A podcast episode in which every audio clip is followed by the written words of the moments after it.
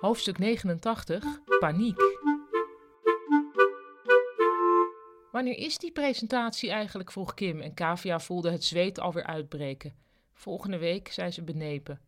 Moet er dan niet een mailing de deur uit, zei Kim. Ik bedoel, naar alle mensen die moeten komen. En waar is het eigenlijk?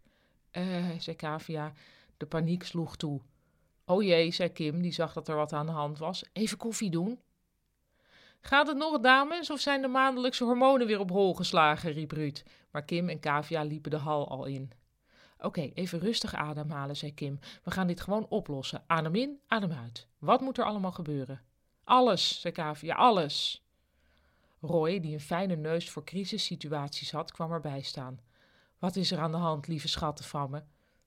Kavia moet een brainstorm organiseren over nieuwe communicatiestrategieën, maar ze doet alles altijd per ongeluk, vatte Kim het probleem verbazingwekkend accuraat samen. En een keynote, voegde Kavia eraan toe. Ik moet ook een keynote doen. Oh, zei Roy, en van waar de paniek? Nou, ten eerste, waar moet dit allemaal plaatsvinden? How about here, zei Roy. Ja, waarom ook eigenlijk niet? Het kon best hier in de hal, dat bood al enige rust. We stellen de beamer hier op en we kleden het gezellig aan, zei Roy.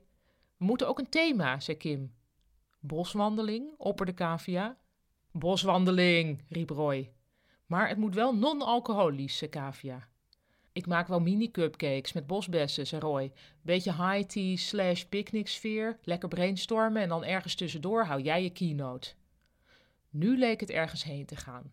Inhoud was er nog niet, maar de aankleding wel.